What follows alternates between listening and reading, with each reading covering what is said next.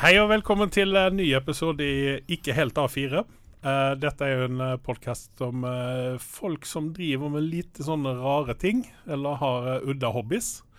jeg syns det er veldig interessant å snakke med, med, slike folk, fordi de gir meg innsyn i liv som ja, som fins der ute, som man ikke er helt vant ved. Jeg har nå i studioen en, en god venn, vil jeg vel si. En fellow podcaster. Gunnar Gundersson. Ja, takk. Velkommen. Gundersen. Men det, du er svensk, ja. så da blir det vel Gundersson, eh, tenker jeg. Ikke sant. uh, Gunnar han eh, driver en podcast, eller har en podkast akkurat nå som heter Mannspanelet. Yep. Den fins uh, litt sånn reklame her nå. Den fins overalt der man laster ned podkaster, som uh, de sier. Det er riktig. Det er riktig. Og um, der har du spesiell, en spesiell gjest, syns jeg, da. Uh, Charter-Svein. Ja, altså for å ta veldig kort om den, da, så er det altså, vi begynte vel å snuse litt på dette med podkast litt samtidig omtrent. Ja. Eh, og det begynte jo litt annen retning, og så har det blitt et, eh, et egentlig gammelt konsept. For jeg ble jo kjent med Chartersveien for mange mange år tilbake. Ja, Vi, vi kommer inn på ja, akkurat ja. det litt grann etterpå, ja. så ikke spoile her. Så jeg skal ikke spoile, Men uh, det er det vi holder på med nå. Vi er tre stykker. Det er jeg som er egentlig helt vanlig. Jeg skal jo ikke være det vanlige i denne sendinga her, men forholdsvis vanlig. Og så er det en eh, psykolog som heter Jan Martin Barge, og så er det jo Chartersvein. Og det ja. vi gjør hver fredag, er jo å prøve å ta tak i temaer som eh, og følelser og utfordringer vi har i livet som vi tror de fleste går og bærer på. Så skal vi prøve å vinkle det på både en chartersveinsk, en psykologisk og en ja, og en min måte, da. Det, vanlige mannen i gata. Van, jeg skal representere vanlige mannen i gata. Ja. Det er riktig. Men altså, det, er et, det, er jo egentlig et eh, kjempespennende Uh, tema, eller ting som dere tar opp. Da, For menn er jo ikke spesielt flinke på å snakke om ting. Nei, Hvor god Nei. er du på å snakke om uh, følelser? Uh, ikke så veldig god. jeg griner, så gjør jeg det gjerne aleine foran TV-en en eller annen gang. Men det er, det, er, det, det, er, vanskelig, syns jeg, som mann noen ganger å vise følelser. Altså annet enn veldig machofølelse. Men når si. sønnen din vant NM i altså, Eller hva det var for noe, altså amerikansk fotball, altså, gråt du da, eller? Altså? Nei, ja, da hengte jo tårene hengte jo løst. Å, nå kjenner jeg meg psykolog her, altså. Nei, tårene hengte løst, og jeg pleier også å si det at uh, når ungene kom til verden, så uh, var man jo også tårevåt i fjeset. Ja. Ja, det var ikke jeg, skjønner du. Jeg, når jeg fikk barn, så jeg syns aldri det var liksom så stort. Og, og selve, selve, fødselen, da gråt jeg ikke. Men det er liksom mer enn nå, når de er liksom 14 og 18 og sånn. De berører meg mer, da. Men akkurat det med fødsel, det var sånn, der var jeg egentlig ikke um, helt med, tror jeg, på hva som skjedde. Nei, sen, sen så er det vel det at det er sånn, eh, man er litt sliten nå. Men eh, det var jo sånn eh, De sier jo det at fødsler er så vakre, og det, det er jeg veldig uenig i. Ja, det, det, er det er jo forferdelig. Det, du skal jo ikke titte inn der, for da, jo, da blir det i hvert fall ikke noen flere barn. Nei, det, det, er en sånn. traumatisk opplevelse både for mamma og pappa og for unge, dette her. Så at men, men. Vi, uh, vi lemner det der det er. Jeg har en historie, men det kan vi ta senere. ja. Uh, ja. du har jo hatt en, en, en, yrkeskarriere som ikke er helt A4, for å si det sånn. ja, altså du, du, du, sitter liksom ikke på et kontor med en slips og driver med regneark. Nei, altså, jeg, jeg har gjort det også, da. Det, det, det skal sies, da. Mm. Men jeg vil jo uh, si at jeg har vært heldig og Jeg pleier å sammenligne med at, uh, at jeg var det kjellerbandet som øvde, og så, og så fikk jeg det som et yrke etter hvert, da. og det er vel kanskje liksom det jeg har vært veldig glad for, og, og vært veldig heldig gjennom karrieren. At jeg har drevet med ting som rett og slett er fryktelig morsomt. Ja. Som er tulle- og tøyseting, rett og slett. Altså, men som er veldig morsomt. Jeg, hvilken, hvilken var da det, det, første yrket du hadde som var sånn tull- og tøyseyrke, hvis vi skal klassifisere det som ja, det? Altså, jeg tror vi, vi, må jo tilbake til 80-tallet her. For, det, for de som kjenner referansen, så, så begynte lokalradio, altså Radio 1 i Oslo. Uh, jeg hørte en del på det, men jeg hørte mye på radio, rett og slett. Mm. Uh, og så var det en, eh, en gang på slutten av 80-tallet, begynnelsen av 90-tallet, så fikk jeg jo liksom muligheten til å jobbe i lokalradio. Rett og slett bare sånn kom inn og ha noen sendinger. Og Hadde jo ikke noe peiling på noen ting. Hadde aldri gjort Yes. det, øh, egentlig. Og i hvert fall ikke teknikk med spaker og Men, musikk. men var det og et sånt underliggende interesse fra Ja. deg? Altså, og liksom, Ja. det, dette er noe jeg vil prøve på, eller var det bare sånn bananskall? Nei, det var bare noe som var veldig gøy. Jeg hadde en kompis som, øh, og har det fortsatt, som, øh, som også var veldig interessert i radio. Så det begynte med at de satt på hjemme med sånn kassettspiller, sånn dobbel kassettspiller. Og så lagde vi radiosendinger som vi tok opp på kassett, og så sendte vi det rundt til folk, da. Yes. Eh, og så var det selvfølgelig stort når vi fikk eh, endelig muligheten til å, til å begynne i radio. Så, så hele greia begynte vel egentlig med, med radio. Altså ingenting av det jeg har opplevd senere i livet, tror jeg hadde skjedd hvis ikke vi hadde begynt med de kassettspillerne og, og sitte og lage disse, disse, disse radiosendingene, da. På 80-tallet. For det, det var liksom der det begynte. Og det er jo derfor jeg sier at dette er med kjellerband og For vi syntes dette var så utrolig gøy. Mm. Og, og det var bare ja, kjempemorsomt å holde på med. Og så etter hvert så ble det jo på en måte et yrke, og så, som igjen førte meg videre inn i, i andre yrker som, eh, hvor jeg opplevde mye morsomme ting. Og til der jeg er i dag, da. Eh, Ja. Som kanskje er det mest rare jeg holdt på med noensinne. Ja. Ja, vi, vi kommer jo naturligvis til dette, så vi vil ikke spoile for mye. Nei. Men eh, det, når jeg lærte kjenne deg for Dette er jo 20 år siden nå, Ja. eller noe sånt. Det er så lenge siden. Uh, ja, det er jo det. Ja. Vi har blitt gamle gubber begge Ja, to. har det. Shit, ass. grå i skjegget. Ja, vi var. Ikke sant? Uh, og da mener jeg at du jobber på Radio Energy. Ja, det stemmer. Hva, Eh, var det du drev med der, da? For du satt vel ikke Var du on air der også? eller? Nei, jeg var ikke det, skjønner du. Fordi at, uh, først så drev jeg litt med salg og sånne ting, men så var jeg noe som het promotion-sjef i Energy. Og Det vil si at vi hadde ansvaret for alt av eventer ute. Ikke sant? Så, øh, og det var jo litt sånn litt hånd til munn øh, og low budget og sånn, men det var i prinsippet det å reise rundt i, i Norge med en bil, og så ha et anlegg utenfor, og så kanskje dele ut noen produkter fra Stimorol, sånn tyggegummi, vi hadde Japp blant annet, og vi, vi, vi liksom reiste rundt på og lagde eventer da, rundt omkring. Eh, veldig Ja, det er veldig rar Når jeg ser, tenker tilbake på det, så var det veldig rart. Altså, vi gjorde, gjorde veldig mye rart. Det så veldig rart ut. Men eh, vi, Og Energy var jo liksom en upcoming ungdomsstasjon, så Ja. vi var jo til stede der det var liksom ting som skjedde. Kvartfestivalen. Vi var eh, på um, vi hadde sånn vintersports eh, Eller sånn vintereventer hvor vi dro opp på alle liksom, vintersportsstedene. Og så, eh, og så arrangerte vi parallellslalåmcup. Så uh, min hovedoppgave var jo å stå med en mikrofon og så kommentere altså folk som var med i den parallellslalåmcupen en hel lørdag. Så det har jeg også tenkt på, tilbake på mange ganger. Liksom. Det, det var liksom jobben. Altså Her er- driver folk og er sykepleiere, og de er eh, alt mulig flyvere og hva det er for noe. Ja. Og det var liksom jeg på det tidspunktet der sånn. Stå og kommentere folk som kjørte ski ned en bakke. Eh, så så det, det er liksom en av de altså, sånn rare tingene innen radio. Men det var utrolig gøy, og jeg arrangerte jo store konsertarrangementer. Vi hadde en sånn eh, sommerturné, litt sånn à la VG-lista, med masse Ja. artister. Og vi var i vi var i, eh, på Tusenfryd, der hadde vi to eh, konserter. Vi hadde mm, konsert på Rådhusplassen. Men, men da må du ha treffet også disse artistene som var med. Og er, er det noen sånn Var det noen sånne superfamous artister artister som kom? Eller? Altså, Eller alle har har jo liksom- hørt om Carpe Diem nå. Ja, ikke sant? Ja. Og jeg, jeg har jo ikke fått det bekrefta, men jeg er ganske sikker på at det første liveshowet som eh, Carpe Diem hadde, det hadde de i regi av Energy, altså i regi av et av mine arrangementer. Ja. Eh, og det var nede på noe som heter Galleriet eh, pub, eh, eller bar, altså nede i Christian Fjæres gate i Oslo. Mm. Eh, og de to gutta de jobba på et sånt callsenter. Uh, jeg husker ikke hva det het, men det var telefonselgere. Eh, og så hadde vi noe, noe greier med noe reklame som gikk på Energy. Og så sa han sjefen der at du har to gutter som driver et band som heter Carpe Diem. Så husker jeg jeg syntes det var litt sånn teit navn. Så, ja, ja, Carpe Diem, ok Og så, eh, så sa han det at jeg vil gjerne kjøpe reklame på, på Energy, men da skal også disse gutta få lov å være med på et av showene deres.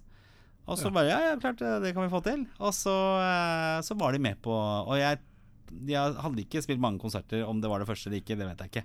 Men det, det var i hvert fall Det var, var ganske stort navn. Så vi, vi hadde egentlig ganske mye av de liksom store navna da, eh, på scenen eh, Ja, det, var bare, det, det var bare etablerte norske artister, eller, eller uetablerte også? Nei, det var jo mye. altså sånn Johnny Onkel P, og det var liksom egentlig alt mulig rart vi hadde. Men fikk dere med noen sånne utenlandske navn?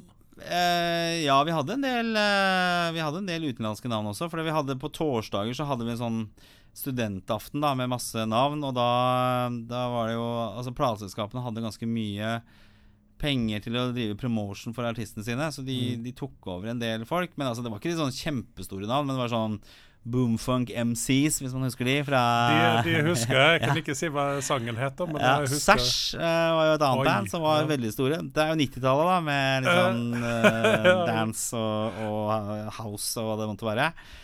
Eh, så vi hadde mye sånn eh, Ja, nei, det var, det var mye, mye. Men altså det som kanskje sånn husker best, det var liksom Carpe Diem, at vi hadde de så, så tidlig. Da. Også, Og så sånn, det, det må jo være ganske ja, stort, da. Sånn, Vinni sånn. og var jo masse av de. De var jo tidlig Ja. hos oss, ikke sant. Så det var, eh, det var gøy. Så det, det var liksom det, det si, de første, første årene, da. Men jeg, jeg, når vi møttes, så var jeg jo Energy, men jeg var jo også i i en eh, annen stasjon, en radiostasjon før det, som var på Romerike. Og eh, det var liksom radio som var min greie i starten. Ja.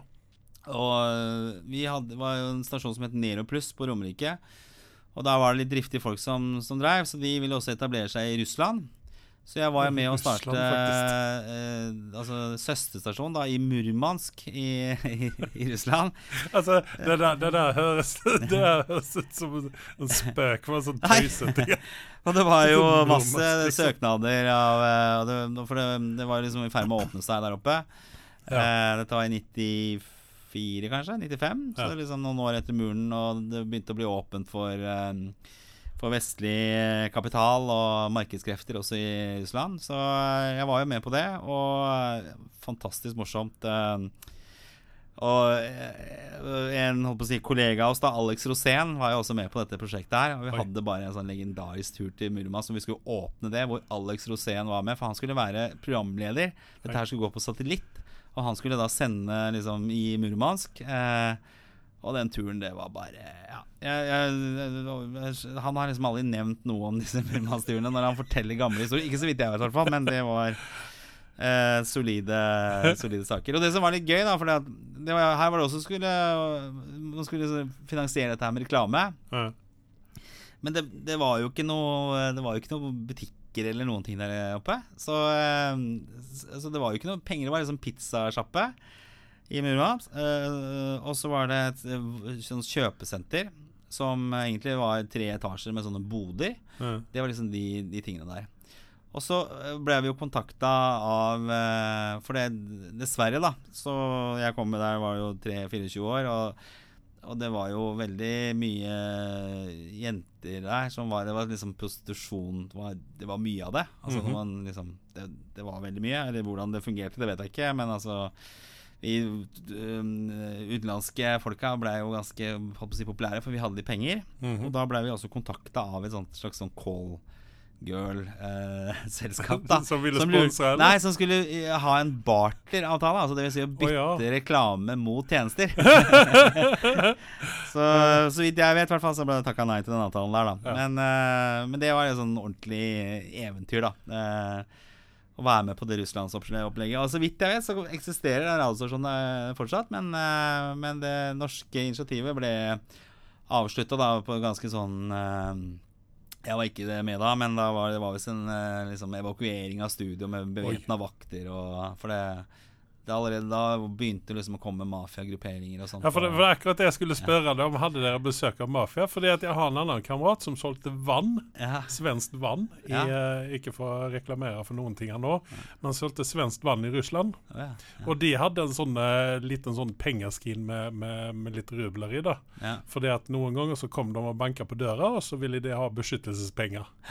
Så da var det, liksom, det var sånn vanlig praksis i Russland på den tiden der, at uh, man betalte eh, på en måte beskyttelsespenger, for ellers så kunne det hende at det begynte å brenne et eller annet sted. Ja, ja, ja. Nei, det var jo en del sånne ting, og det, det var jo ikke sikkert altså, Det var ikke trygt å drive liksom, vestlig business der oppe. For uh, dette her var jo starten, og, og alt av eh, håper å si uh, uh, privat markedskrefter og sånn ble jo på en måte betegna som mafiavirksomhet. Eh, og det var jo også viktig at du kjente riktige personer og sånn, så, så Men det, det var jo bare sånn vanvittig greie å være med på. Altså det å etablere fra Strømmen, som, er Lillestrøm, som vi holdt til, altså rett utenfor Oslo til å liksom etablere da en radiostasjon i Murmansk. Og det resulterte at jeg fikk sett litt av Russland også. Både, både Murmansk, men også Moskva og St. Petersburg. Og Spennende. utrolig kule byer. Så det var liksom radio, da, som det, det begynte med. Eh, og, og det er liksom det, det var jo Det var jo veldig gøy, og er jo fortsatt veldig gøy. Det er jo derfor jeg lager podkaster og sånn fortsatt. Ja. Ja, for det er den der snakkingen som uh, du har uh, Du må få ut. Ja, jeg vet ikke hva det er for noe, men jeg, har alltid liksom syntes at lyd er fascinerende fordi at det er så det, jeg, jeg liker jo bøker mer enn filmer. Fordi at jeg syns bøker appellerer mye mer til fantasi, og du kan bygge deg eller se egne bilder og, og, og skape deg liksom din egen virkelighet. da og det jeg også syns vært eh, interessant med radio og, og lyd, er at uh, du får ikke liksom tilfredsstilt alle sansene dine, eller du får ikke stimulert alle sansene dine. Nei, sånn som du altså, gjør på TV eller andre hvor lyd og bilde. Men med, med lyd så kan du på en måte rett og slett bare mm, tenke deg litt. Altså Noen de, de som sitter og hører på dette, her sånn, begynner jo sikkert å tenke ok, hvordan ser han ut? Hvordan ser det ut rundt i studio? Hva hva slags fyr er det egentlig? Vi snakker om skjegg, og så kanskje begynner å bygge på et skjegg, men hvem er hvem er personen? Så, så det jeg syns har vært veldig uh, kult da med radio. Jeg husker jeg hørte jo mye på uh, sånn uh, radioteater. Jeg syns det var veldig fascinerende. Og jeg har hørt litt på det nå også, for NRK lager fortsatt en del radioteater. Og det er ganske kult. For det Ja, for NRK de lager jo også fantastiske podkaster. Ja, ja, eh, De har begynt med noen sånne eh, virkelighetsbaserte historier som de, de Ja. lager. Ikke ordentlig radioteater ut av, men de, de snakker veldig engasjert om det. Så Ja. det kan jeg godt rekommendere hvis man er Ja, ja, masse bra. NRK lager utrolig mye bra der ute. Så. Men altså, de lager også fortsatt, uh, fortsatt radioteater. Da. Så jeg, jeg var jo, når jeg jobba i Energy, så eh, kom jeg litt i kontakt med han som heter Kim Kolstad, han som spilte Jens August i Hotell Cæsar. Stemmer. Eh, og han var jobba i Energy en, en periode, faktisk. Eh, og vi lagde jo et sånt radioteater, et sånt julespill på Energy, hvor han hadde regien. Mm. Eh, og drev og skrev dette her sånn. Og da husker vi snakka mye om det at eh, det å liksom sette litt fokus på radioteater, og så lage litt større ut av det, altså litt sånn episke Altså sette på spissen da Game of Thrones, bare at i, i realteaterformat. Altså at man, det, er, det ligger et marked der. Men uh, NRK gjør det, men det, det, jeg tror det er, det er litt å bygge videre på det. også. kanskje neste gang vi snakker sammen, så driver jeg realteater. ja, Ja. det er jo ikke helt umulig. Nei, men jeg holder fullstendig med deg om at det, det er spennende med stemmer. fordi du må jobbe såpass mye mer for å formidle noen ting, mens med bilder så er det mye enklere å Altså du kan formidle samme historie på mye kortere tid. Ja, ja. Med, med, eh, det er oftest derfor at eh, filmene ikke er seks timer lange, eh, fastän at bøkene kanskje er- er seks timer lange å høre på. Ja. Jeg er jo lat ut av natur, så at jeg leser jo ikke bøker, utan jeg hører på bøker. Ja. Og jeg får også si det at jeg Altså hvis du for eksempel Vi skal, vi skal gjøre en gjennomførelse de, som vi tar Harry Potter-bøkene. Mm. De er jo veldig mye bedre enn hva filmene er. Ja. Eh, og spesielt eh, fordi hun skriver jo veldig bra for det første, og sen så må det være veldig god fortellerstemme òg. Mm. Og i akkurat de bøkene det er Stephen Fry som leser. Ja. Og han, han gjør jo en formidabel jobb i dette her. Og man, man, får, man plokker jo naturligvis bilder fra filmene, men allikevel så Nyansene blir så mye større med bøker. Ja. Nei, jeg, For det, det- jeg syns alltid det har liksom vært uh, det beste, da. Ja. Lese bøker og alltid vært skuffa. Jeg husker, hva var det for noe? Var det Morten Ramm eller noe sånt som eh, sa noe litt morsomt at uh, Det var jo alltid sånn at eh, når man så en film etter å ha lest boka, så blir man veldig skuffa. Ja. Så han lanserte det at hva med å skrive en bok etter en film? Altså hvis det bare er filmen, og så skriver du boka etterpå, da, så blir det ofte bedre. Men eh, jeg, jeg syns det, da. Så det er derfor jeg liksom har likt uh, uh, lydmedie, da. Uh, så det har aldri vært noe sånn derre Egentlig, jeg har vært en del på lufta og, og hatt sendinger og sånn, men det er egentlig det derre Jeg vet ikke hva det er. Altså, det, det, det, det med radio, at du liksom har muligheten til å kunne gjøre større kulisser da med Mm. mindre ressurser. Altså På TV så, så er du nødt til å, å ha litt mer budsjett. Og det, det, var jo disse Jeg vet ikke om du husker disse lokal-TV-stasjonene. Ja. De var jo så utrolig ræva. Altså, no offense til de som måtte ha drevet med det, men det var forferdelig dårlig. Altså Fra gustne bilder til folk som aldri hadde vært på TV før. Altså Det er mye mer krevende å være på TV enn det er å være på radio.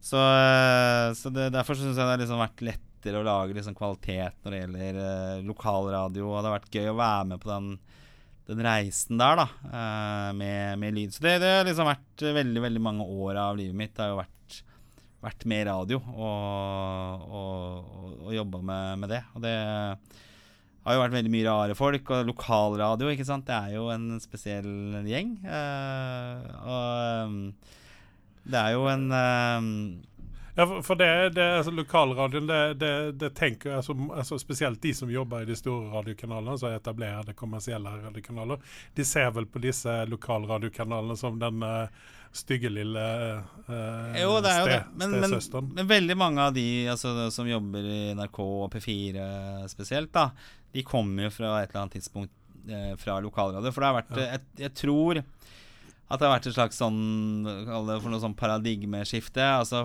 for det at før så var det Eller for noen år tilbake da Så var det veldig mange som jobba i radio, som hadde begynt som at dette var en hobby. Og lokalradio, litt det samme bakgrunnen som meg. Eh, og så, så begynte man da liksom P4 og Radio Norge og inn i NRK osv.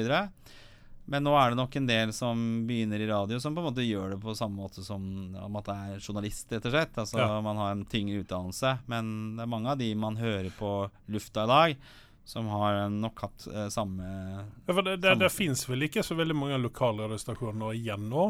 Nei, nå har det jo skjedd mye, da. Spesielt ikke over, fordi at det har switcha over til DAB og, slikt. Men Ja. jeg har, på har litt en følelse av at det begynte redan før denne DAB-greia. da, At de lokalradioene begynte på en måte å forsvinne.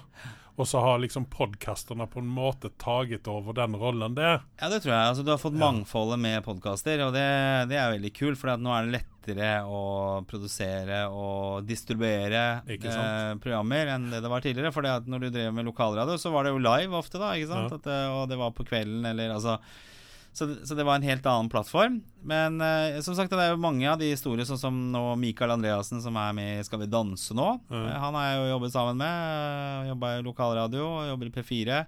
Eh, jeg kommer ikke på farten liksom alle disse her, men det, har vært ut, det er utrolig mange, da. Mm. Eh, Bjarte Tjøstheim liksom i Radioresepsjonen. Han begynte vel i lokalradio, Gjæraden, eh, Radio Randaberg osv. Så, videre, så, de- så de kommer på en måte litt derfra, en del av den, den, Ja. den generasjonen der. Så det, Ja. det, er, det er den jeg på en måte tilhører, da, men jeg liksom ble aldri den helt store radiostjerna av det.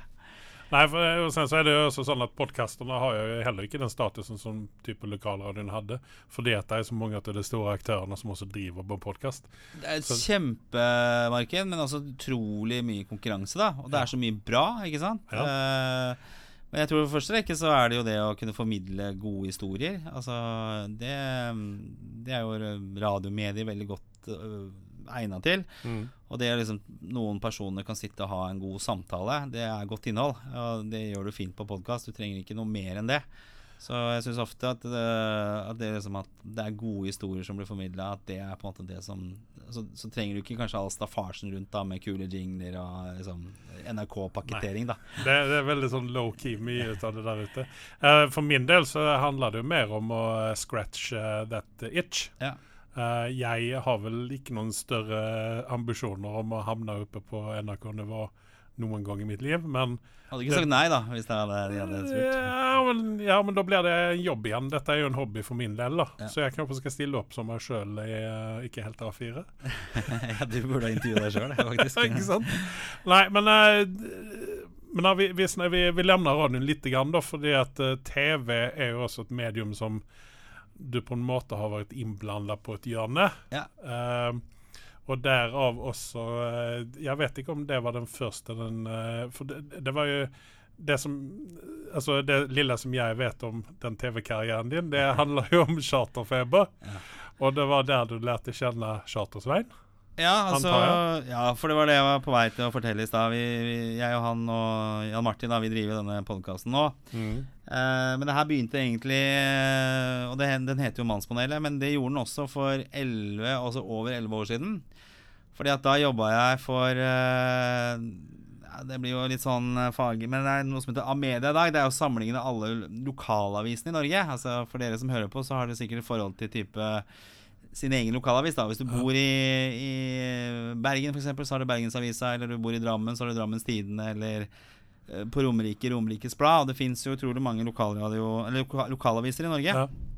Og jeg eh, ble ansatt uh, i det som da het Orkla Media. Altså Ja. da var liksom før de Mens de fortsatt drev med mediekanaler og sånn. Nå er det jo stort sett frossenpizza dette, og dette, ja, det, for dette her var etter Energy, eller var dette ja, dette var etter uh, Energy, så var jeg en liten tur innom det som heter Radio Norge i dag. Ja. Uh, og så ble jeg kontakta og tatt med inn i Orkla Media. Det var jo en stor organisasjon. Mhm. Og det- min oppgave var da, var å pakkettere alle lokalradioene som de eide. For de var jo veldig sterke på avis. Mhm. eh, og de solgte reklame på tvers av disse avisene. Og omsatte jo for milliarder av kroner. Altså kjempesvært. Og så skulle jeg gjøre det samme med lokalradioen. Så jeg jobba med det en, en tid. Og da var det mer det kommersielle å lage pakker og eh, sette opp lyttermålinger og sånn. Skal ikke komme inn på det. Men eh, Og så ble jeg jo godt kjent med de som drev eh, disse ulike radiostasjonene. Og så hadde jo Så besto dette her Og så kom A-pressen inn også, som på en måte var konkurrenten. Og de hadde også en del lo lokale radiostasjoner. Og de, de hadde bl.a. Radio Drammen. Og eh, der hang jo Charter-Svein mye. Han eh, var jo liksom fra området, da. Kongsberg. mm. og var mye der. Og så har jeg jo liksom alltid hatt lyst Eller hadde jeg jo da lyst til å gjøre noe eget på radio, da. Men jeg hadde jobbet mye med stasjoner som var sånn litt sånn musikkradioer. Altså mm. sånn litt hippe. Det, det var ikke helt min stil, så jeg hadde lyst til å ha mer sånn talk eh, radio. Mm. Og så var det en som heter Marius Sigurdsen, som du for øvrig kjenner også. Eh, vi, vi er Trolls. Marius Ja, Marius, ja. Sigolsen. Ja. Stemmer. Jeg- Ja. Når du sier hele navnet, så Ja. triller ikke på Marius Sigurdsen. Marius, ja. eh, for jeg jobba sammen med han i Energy. Og så uh, sa han det at uh, Jeg syns du skal møte Svein. Det, dere to hadde passa fint til å gjøre et eller annet sammen. Og så hadde jeg jo sett litt på Charterfeber, og da hadde vi jo det begynt liksom å ta av. Og det var kanskje gått en sesong ja, det, eller to. var, ja, dette Ja. var ikke første sesongen, men det er ja, Så- ut i det. Så var jeg litt skeptisk, og så jeg og Marius og, og Svein vi, vi møtte hverandre. Og så ble det liksom en sånn instant uh, Fikk vi liksom en sånn uh, god kjemi med en gang. Ja. Og så eh, bestemte vi oss at vi skulle lage et program som het Mannspanelet. Som skulle gå på alle disse radiostasjonene Ja. eh, kveld i uka. Eller om det var mandager eller torsdager. Jeg husker ikke helt. Ja. Eh, så det var liksom første eh, The Rise of Mannspanelet. da Så da gikk det på lokalradio, og så hadde vi Og da var jeg nyskilt, husker jeg, så jeg hadde liksom det som ventilator eh, for å få ut ting. For vi skulle jo ta og snakke om Uh, alt som hadde med mann å gjøre. Vi skulle ha et sånt uh, litt uh, skeivt perspektiv på hvordan vi Altså, vi skulle, vi skulle besvare alle spørsmål som menn. Okay. Uh, av den liksom den pureste formen, da. Hvor, fordi at det er jo det damer alltid eh, stiller seg spørsmål. Altså, hva er det egentlig menn tenker? Ja. Og det programmet var jo ment som det, da. Altså, hva er det egentlig menn tenker? Ikke sant? Hva er det de tenker med? Hvordan, hvordan tenker de i de ulike situasjonene? Eh, så det ble veldig gøy. Vi hadde masse morsomme programmer. Og så, mm, så døde det litt ut eh, etter hvert. Og så Men så bevarte jeg og Svein liksom vennskapet, da. Mm. Og så spurte han meg først én gang om han hadde lyst til å være med på Charterfeber. Uh, og da sa jeg at det Nei, det er ikke min greie. Så jeg takker nei til det. Og så spurte han meg en gang til, for da var det en ny sesong. eh, Det var år eller noe sånt etterpå. Og så tenkte jeg at uh, shit, skal jeg gjøre det? Altså, det er litt gøy, da. Uh, Gratis tur til Spania. Ja, kos jeg si til slutt, da. Og så, eh, så spurte, spurte jeg sjefen min først, eh, for da jobba jeg jo i en seriøs organisasjon. Ja, ikke sant? Og liksom, hva sier du? Så sier hun at ja, men gjør det, da. Det er ikke bare gøy. Det er altså, ja, er det greit? Liksom? Ja, gjør det. Og så spurte jeg eksen da hva syns du jeg skal gjøre det. Eh, Så sa hun nei. Og så dro jeg, da. så var jeg da borte med Svein en uke og, og hadde chartfeber. Og så Det var jo en sesong som het 'Kjendiser på tur'. Det er jo den som er dårligst uh, sett av alle de sesongene. Og jeg og Svein var ikke så fryktelig mye med, for vi hadde jo hadde en litt sånn annen approach til dette. her. Vi skulle liksom lage en litt sånn dypere versjon av Charterfeber. Vi skulle ha litt sånn mer samtalebasert. da Ja. Så mye av det vi gjorde, var liksom samtale hvor vi truk, trakk dette mannspanelet litt videre. Hvor vi satt og filosoferte over ting. Og men det var jo selvfølgelig ikke interessant for, eh, for det formatet der i det hele tatt. For det, de forventa at vi skulle være fulle og eh, Ja, ikke sant? For det var akkurat det jeg tenkte å si. At de, de, de få scenene sett fra en episode der, Ja. så er du litt grann sånn eh, mer straight, mens Svein Ja, jeg, eh, det var vel ikke helt edru. Nei, altså han er jo Det har vi snakka mye om også. Han har jo har blitt spurt om det mange ganger, da om han angrer på noe han har gjort uh, på TV. Mhm. Og da sier han alltid at ja, du er jo skylda for det jeg angrer mest på noensinne. for det som skjedde, var at uh, vi var vel på dag to, kanskje, eller en sånn innspilling, og så var det jo en uh, fotballkamp. Vålerenga mot uh, Ålesund, eller jeg husker ikke hva det var for noe. Det var i hvert fall en fotballkamp. Men, men bare bryt deg to sekunder, her, Ja. for det her er den logistikkgreia som jeg lurer litt på. Ja. Altså, du, du sier at dere dro en uke, men altså, det som jeg kjenner til av TV-produksjon For jeg er jo en TV-stjerne. Ja. Jeg har jo vært med i en norsk TV-serie. Er det det? Ja, ja, Hvilken dette kan vi snakke om senere. Ja, det uh. Eh, og jeg vet at ting tar sinnssykt mye tid Ja. i sånne produksjoner. da Ja. Men var det, altså, var det bare en uke dere var der, da? eller? Ja, det var det. Altså, jeg pleier For, å si hvor mange programmer er det de får ut av en uke da? Er det, er det sju, eller er det Eh, Ja, altså Greia var jo det at øh, vi, vi hadde jo dette kamerateamet med oss. Ja. Så vi fikk et liksom dedikert utdelt kamerateam. Vi var jo på samme gruppe. Altså Vi reiste sammen med Unni Askeland, altså hun uh, veldig kjente kunstneren. Kunstner. Uh, ja, det, ja. God venn med Ari Behn, blant annet, og altså, når han levde. Og, så hun er jo uh, veldig kjent. Og så var det en som heter Morten Viskum, som også er en veldig kjent uh, kunstner. Du er ikke bevandra der, sånn. Men hvis dere googler de, så er, får dere det her opp. øh, De er veldig kjente. kunstnere Ja. er ikke det sterke kortet. Og han uh, Så det var liksom gruppe to, så vi Ja. reiste sammen med de. Uh, Filma ikke noe sammen. Vi gjorde faktisk det en kveld, men uh, det kan jeg komme tilbake på, til. Eh, men, og da fikk jo de utdelte team. De bodde på et annet hotell, og så bodde vi på vårt hotell. Og så hadde vi vårt kamerateam. Da. Det var en kameramann, en lydmann eh, og så en produsent. Eh, og så var det en produksjonsassistent. Så det var liksom teamet. Uh, og da uh, husker vi kom fram veldig seint på, på natta, og så var det opp uh, forholdsvis tidlig dag igjen. Mm.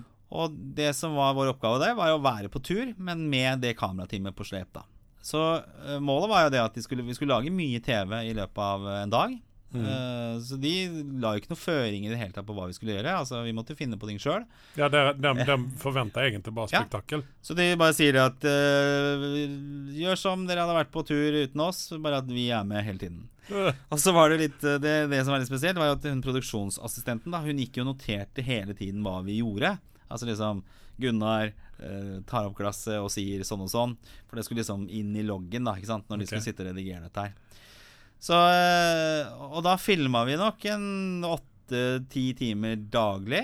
Ja. Eh, Så hadde vi én dag hvor det var eh, 24 timers eh, fri. Det vil si at vi gikk vi av sånn midt på dagen, og så hadde vi fri til midt på dagen dagen etterpå. Ja. Men ellers så var det filming hele tiden. Og vi kunne fort være liksom ferdig med filming sånn to-tre på natta. Så det var ganske, ganske Men jeg, jeg pleier Men å si det da da blir det veldig mye charter, Sveinar. Men jeg, liksom, for, han er, for meg så er han på hele tiden. ja, Eh, han er jo men de 24 timene der stengte han av, da, så ble han en vanlig fyr, eller? ja, altså Han er jo en vanlig fyr. Var det, det likte man også når jeg møtte han. At han var jo ikke den gærningen. eh, Han var en fyr du kunne sitte og, og ja, snakke ordentlig du, med. ja, for det, det er litt grann det som kanskje har ødelagt altså, Eller det ødelagt, skal jeg ikke si, for det, det er slemt, men Det er blitt det, imaget hans. Ja, liksom. imaget er jo er, er, jo å være uh, spetakkel, ikke sant? Ja. Men jeg vil jo Nå må jeg jo faktisk lytte på Mannspanelet og så høre hva han er for en fyr. Han han er jo faktisk veldig reflektert, og det, han har jo stått eh, liksom kommet mer tydelig fram på det området der vi har Farmen kjendis, f.eks., Ja. hvor han fikk veldig gode tilbakemeldinger. At han er ikke den fyllefyren som liksom hoier og skriker. Han er jo det også. Men uh, dette her var jo 2010. Allerede da så begynte han liksom å føle at han var litt, eh, litt sånn lei av seg sjøl også. Men Det er klart, det blir jo, det blir jo liksom Det blir jo konseptet ditt, da, ikke sant? Og det er det du vil gjerne Det er jo det folk Eller det TV-selskapene vil ha, og det er jo det folk vil ha. Så det var derfor vi ikke kom så mye på TV den, eh, den sesongen der også. For at vi gjorde ikke så mye gærent. Altså. Men det, det, vi gjorde, da Vi hadde en sånn, noe som heter Charterlekene. Ja. Så det var liksom gjennomgangsgreia da hvor vi skulle gjøre noen oppgaver hver eneste dag. Og det kunne være hvor vi skulle konkurrere mot hverandre. Ja. Og da hadde vi Det, dere som team mot vi de andre? Nei, nei, vi to mot hverandre. To mot hverandre, okay. Så vi satte opp sånn eh, Og så hadde vi da eh, Det var f.eks. at vi skulle spille tennis mot hverandre. Vi skulle se hvem som kunne sjekke opp flest jenter på stranda. Altså få en date. Mm. Eh, det var for øvrig ingen av oss som fikk. uh, og så skulle vi for, Og der eh, må jeg bare si at når du ser en solbrilleselger eller klokkeselger på stranda neste gang det må være mulig å reise til Syden, så kjøp et eller annet av vedkommende. For vi uh, prøvde oss om det en dag, eller noen timer. Okay. Uh, vi overtok sjappa til to gutter på stranda der. eh, Og jeg gikk og solgte solbriller og, og klokker. Og det er det verste jeg har vært med på noensinne. Det var dritvarmt, og det var bare nei, nei, nei, nei overalt. Og folk Ja. var forbanna. Så det var en konkurranse. Jeg husker ikke hvem Jeg lurer på om Svein vant den konkurransen. Jeg vant tennisen, husker jeg. Og så skulle vi få en uh, godt voksen dame til å kysse oss. Uh, den vant jeg, eh, faktisk. Eh, og så hadde vi Jo, så skulle vi være hjelpsomme på, på stranda eller på ved bassengområdet. Så det var masse vi gjorde da, ikke sant, som skulle konkurrere litt i. Men så var det da denne, det han angrer mest på. Og det var faktisk eh, en av de første dagene. Da var vi og skulle se denne fotballkampen, som sagt. Mm. Og så blir han utfordra, for da er det noen andre nordmenn på puben der. Og så blir han utfordra til eh, jegershots Ut av disse andre nordmennene, eller? i- Ja, andre nordmennene. Så de liksom hypa han litt opp, da. Ja, så, Så han fikk i seg til slutt 19 Å, jegershots. herregud. det her ligger på YouTube, så det er mulig å hente det. Og han blir jo selvfølgelig drita full, så jeg må jo bære han hjem. Du er vel beyond drita full, da, tenker jeg. Ja, han er helt Men han skal jo ut, da. Han vil gjerne ut. Og så liksom Produksjonsteamet sier bare at eh, Nei, vet du hva, vi, vi må få han hjem. Så OK, jeg skal gjøre det. Så vi får til slutt båret den inn på hotellet og opp i senga og lagt den, da. Ja. Eh, og det som sagt, det ligger på YouTube, og han, han har jo aldri vært så full på TV noensinne. Eh, og det er det da han angrer mest på, og alt han har foretatt seg. Så det kan jeg si at Charles Svein, som har gjort mye rart eh, Det jeg var med på, det er det han angrer, mest på. Men det morsomme var at uh, jeg kødda med en noen dager senere, og da avtalte jeg med produksjonsteamet at uh, nå skal jeg, eh, nå skal jeg uh, lure han og si at nå skal jeg utfordre deg, Svein. Så det vi gjorde, var at vi bytta ut en jegerflaske, eh, altså med Jegermeister, med cola, for det, det ser jo ganske likt ut. Ja, ja, Og så drakk jeg over 20 eh, Jegermeister, trodde han. ja. Det var to stykker som var ekte, og det var de to siste som vi delte som den siste. Så han trodde at jeg slo han, og da var jeg jo Jeg måtte jo spille full, men ikke sånn kjempefull. Han bare Hva er det som skjer nå? Altså, jeg hadde 22 eller noe sånt Da. Så det var eh, Men det var en morsom opplevelse, da. Eh, Ja. Det var jo Vi var på sånn der Han var dame på en sånn skjønnhetskonkurranse, og det var mye gærne ting. Altså, så mye morsomt som vi gjorde, som vi syntes var morsomt, da. Som i aldri kom på TV, som var litt mer sånn sære, sære ting, som ikke, ikke var med der. Ja, Da, da må man kanskje lete på eh, YouTube og sånne ting og se om det er noen sånne blooper reels fra uh, Charter Men den Svein er full, tror jeg han heter på YouTube. Og okay. da, da ser du det. Da, da er det hele det scenarioet der, da. Men kom den, kom den sekvensen med på TV? Ja, den kom det. Det var kjempe ja. Det var kjempegøy. Så det så, Og det var jo den uka. Altså Hver dag føltes som en uke, og hele uka føltes som en dag. Altså Det, Ja. det gikk utrolig fort. Uh, og det var gøy å være med på. Og uh, det var jo sånn at uh, det var jo ikke Det var ikke noen store seertall. Så det, det er jo litt sånn når folk er med på ting, sånn som Paradise Hotel, eller altså, har vært med på et reality-program og blitt veldig Altså blitt kjente, eh, så så kommer du ut, og så blir det påspandert drinker, og så er du litt, i, liksom, litt stjerne en stund, og så dør du ut, og så havner du på en måte i et vakuum, ikke sant? Så Ja. du ikke er kjent lenger. Så jeg pleier å si at jeg havna rett i det vakuumet, for det var jo ingen som kjente meg igjen etter, etter det greiene der. Ja, for jeg visste ikke dette før en, eh, Jeg tror det var vår gemensamme venn Rune nevnte dette her. Ja. Og jeg eh, sa bare du tuller med meg nå, og så var det rett på YouTube. Og likevel, ja, der lå du der, da. ikke sant? Og så er det jo sånn at han- hadde med seg et par år etterpå, så var det jo en annen Gunnar også som var med på, på det som han, da. Okay. Så det er heldigvis han som dukker opp i søk. Eh, han, var, han var sånn karaoke-taxisjåfør, han Gunnar han hadde med seg på den turen der, da. Men det var en morsom opplevelse. kanskje men, heldig eh, det, da, hvis du skal søke nye jobb og sånn, så er det når de googler det, så ja, er altså, liksom ikke det som dyker opp først. Det er faktisk et, uh, en litt morsom historie også. For jeg, jeg har jo hatt noen, noen litt sånn streite jobber. Jeg har jobba i Schibsted og, og vært åpen med det med chartfeber også, og Mm. sagt det. Og så ble jeg pitcha på en annen jobb. Jeg skal ikke si hvem, hvilken jobb det var, og hvem som på en måte gjorde det, men uh, det var et ganske sånn seriøst sted. Og så satt jeg Så jeg ble på en måte headhunta til, og så sitter hun liksom rekruttereren og vet veldig mye om meg. Jeg bare shit, vet du alt dette her? Uh, og så er det egentlig bare å signere. Som, altså, alt er egentlig klart. Og så får jeg beskjed på, på kvelden, dagen før jeg skal møte på en måte til signering, at nå er det litt endring her. Uh, men vi kan snakke om det i morgen. Og så bare OK, hva har skjedd nå? Og så ringer jeg opp, eh, og så snakker vi dagen etterpå, og da viser det seg at de har funnet ut at jeg har vært med i Charterfeber, og er da sånn sett uaktuell for jobben. Oi. Så, men det var visstnok et drittsted da, så det var, var ikke så farlig. Ja, vi levner det til Ja, det. gjør Men, men, ja, okay. men, men det her TV, TV-en har da ikke vært en eh, Det har liksom ikke vært noen ting som har kalla deg tilbake, utan du, du, var, du var fornøyd med den charterfeber? Ja, nei, og det var jo bare Det var jo gøy. Altså, jeg har alltid likt å prøve ut nye ting. Ja. Så det var bare morsomt. Så det var en konsekvens av den jobben jeg hadde. Og, og den, altså jeg møtte Svein og lagde disse programmene ikke sant, i jobbregi. ja. Og så ble vi gode kompiser, og er jo det fortsatt i dag. Og, Ja. og sånn sett så havna jeg på Chartfeber. Men det er jo aldri noe jeg ville gjort igjen. Nei. Det, det hadde jeg ikke gjort. Men, men det har heller ikke lokka deg til å jobbe, eh, jobbe på en måte bak kameraet i TV-produksjonen heller. Utan radio er liksom det enda mediumet som du eh, sånn sier Eller sånn altså, der du når ut til folk.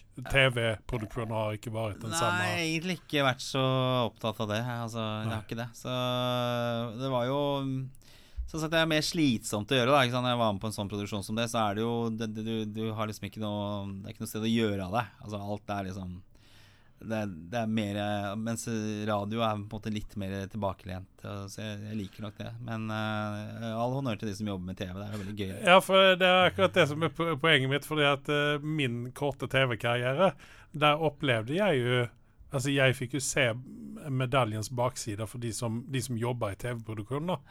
Det er lange dager, det er mye løping. Det er liksom litt sånn utakknemlig eh, Men de, de, de ser ut til å ha det gøy der og da, for det, altså, det er veldig stressende for dem. da. Ja, Fordi. Bare de- sånn kameramann, for eksempel, eller Ja. dame. Det er jo beinhard Jeg syns jo kanskje det at disse eh, eh, produksjonsassistentene har den mest utakknemlige jobben i hele verden. Ja, det, Altså- den eh, var ganske heftig å Ja. følge etter og skrive ned alt piss som uh, vedkommende. Men uh, nå må du si, da. Hvilken TV-produksjon var det du var med i? Dette, dette var en NRK-greie. Jeg ble vel uh, Midt i smørøyet, er det Eh. Nei. Uh, det, det, det, altså, NRK hadde en, en periode der de lagde altså um, gøyal TV ut av Altså, det skulle være seriøst, men det var på en måte en parodigreie, da. Mm. Uh, du minnes ikke Jo, det var den her Det var åh, Det var en eller annen sånn TV-serie som var veldig populær, som også fikk engelsktale. Uh -huh. Eh, men dette her var i hvert fall eh, Magnus hette denne TV-serien, og det skulle være en sånn eh, eh, politiserie. Ja, med han uh, Vidar Magnussen og sånn? Ja, og så han uh, ene duden som spiller uh, i eh, Book of Mormon her. på den norske scenen. ja, ja, ja. Den er jo ganske ny. Altså, Ja, det, det, er ikke, det er vel et par år siden den kom ut nå. Eh, jeg ble vel casta fordi at eh, jeg har den kroppstypen jeg har, og skulle være stand-in for han uh, Nå minnes jeg ikke, dette ber jeg om unnskyldning for.